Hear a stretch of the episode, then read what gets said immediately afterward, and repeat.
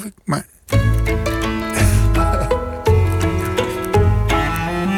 De column van Micha Wertheim.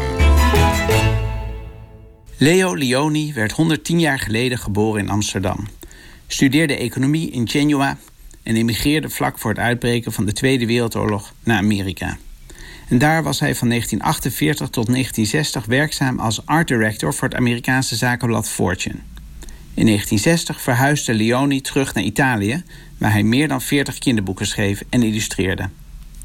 Als kind had ik van Leo Leoni een boek over Frederik de Muis. Frederik is een muis die een beetje anders is dan de rest van zijn muizenfamilie. Als de winter voor de deur staat en alle muizen eten beginnen te verzamelen, doet Frederik niet mee. Waarom werk je niet, Frederik? vroeg de andere muizen. Ik werk toch, zei Frederik. Ik verzamel zonnestralen voor de koude, donkere wintertijd.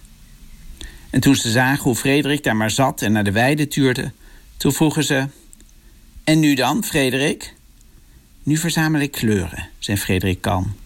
Want in de winter is alles grauw. En zo gaat het een aantal bladzijden verder. Totdat het winter wordt en de muizen zich binnen beginnen te vervelen. Ze hadden het koud tussen de stenen en bouwelen deden ze geen van allen meer. Toen dachten ze opeens weer aan Frederik. Aan wat hij gezegd had over zonnestralen en kleuren en woorden. Hoe staat het met jouw voorraad, Frederik? vroegen ze. Doe je ogen maar dicht, zei Frederik. En hij klauterde op een grote steen. Nu stuur ik jullie mijn zonnestralen. Voel je hun warmte, hun gouden gloed? En terwijl Frederik sprak van zon en zomer, werden de vier kleine muizen al warmer en warmer. En de kleuren, Frederik, de kleuren? vroegen de andere muizen ongeduldig. Doe je ogen maar dicht, zegt Frederik, die in geuren en kleuren vertelt over alles wat de muizen in de winter hebben moeten missen. En als hij is uitgepraat, dan kijken de andere muizen hem vol bewondering aan en roepen: Frederik, je bent een dichter! En Frederik bloosde en boog en zei verlegen: Ik weet het. Toen ik zelf kinderen kreeg, bestelde ik het verhaal van Frederik de Muis, omdat ik wilde dat ook zij de les van Leonie zouden leren. En nu corona haar deken van stilstand, verveling en eenzaamheid over de wereld heeft uitgeslagen, moet ik vaak aan het verhaal van Frederik de Muis denken. Maar wat een geluk is het dat nu de theaters en concertzalen gesloten zijn en we nauwelijks bij elkaar bezoek mogen. En nog zoveel dichtbundels, romans, films, cd's en kunstboeken klaar liggen om te worden gelezen, bekeken en beluisterd. Allemaal kleuren, geuren, geluiden en verhalen die de afgelopen jaren verzameld zijn door mensen die zoals Frederik de Muis goed om zich heen keken toen de rest van ons hard aan het werk was om nootjes en geld te verzamelen. Wat mij deze dagen verbaast, om niet te zeggen irriteert, is de gedachte dat kunstenaars nu als een soort first responders nodig zouden zijn om ons met actuele projecten door deze nieuwe situatie heen te loodsen.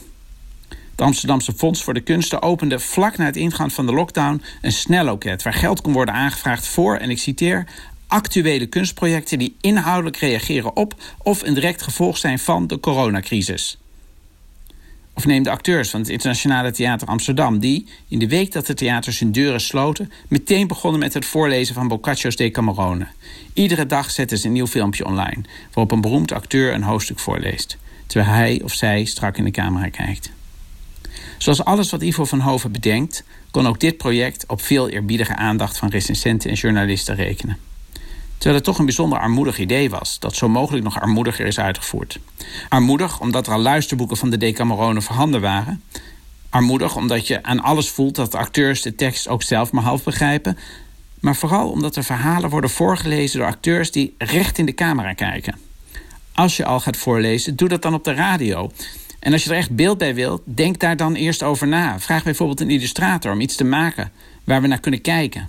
Zoals Leo Leoni dat zo mooi in zijn prentenboek doet. Maar daar was natuurlijk allemaal geen tijd voor. In zijn boek Amusing Ourselves to Death beschrijft Neil Postman hoe we sinds de uitvinding van de telex en daarna de televisie steeds meer zijn gaan geloven dat snel reageren meer waard is dan contemplatie en reflectie. Als Frederik de Muis zijn familie tijdens het oogsten al was gaan toespreken, dan hadden ze niet alleen geen tijd voor hem gehad, ze zouden waarschijnlijk ook nog eens een hardgrondige hekel aan hem hebben gekregen. Frederik was ook een dichter, omdat hij het geduld kon opbrengen om te wachten tot het moment rijp was.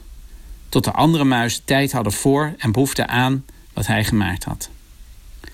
Er zal hoop ik snel een moment komen waarop we terug kunnen kijken op wat ons nu overkomt. Een moment waarop kunstenaars die nu goed opletten verslag zullen uitbrengen van wat we samen meemaken. Tot die tijd neem ik mijn toevlucht tot een grote stapel boeken, films en muziek die al lang klaar was, waar ik in mijn drukke leven niet aan toe kwam en die geduldig op mij wacht. Ja, en dat was Micha Wertheim uh, ja, van huis uit met een opname.